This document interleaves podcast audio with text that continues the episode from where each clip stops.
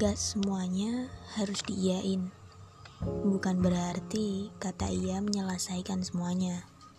Mungkin memang karena rasa yang berlebihan, kita jadi lupa sama apa yang kita mau dan gak mau. Memang rasa gak bisa menutupi segalanya. Tapi lama-lama rasa itu akan usang. Bahkan bisa aja jadi seperti barang antik yang bakal terus dikenang. Tapi hidup bukan hanya tentang rasa. Hidup punya seribu satu cara, warna yang mungkin belum kita dapetin saat ini. Tapi hidup akan terus berjalan seiring bumi berotasi.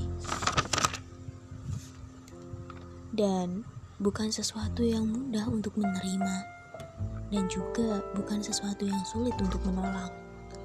Manusia punya batasnya masing-masing punya hak dan kewajiban.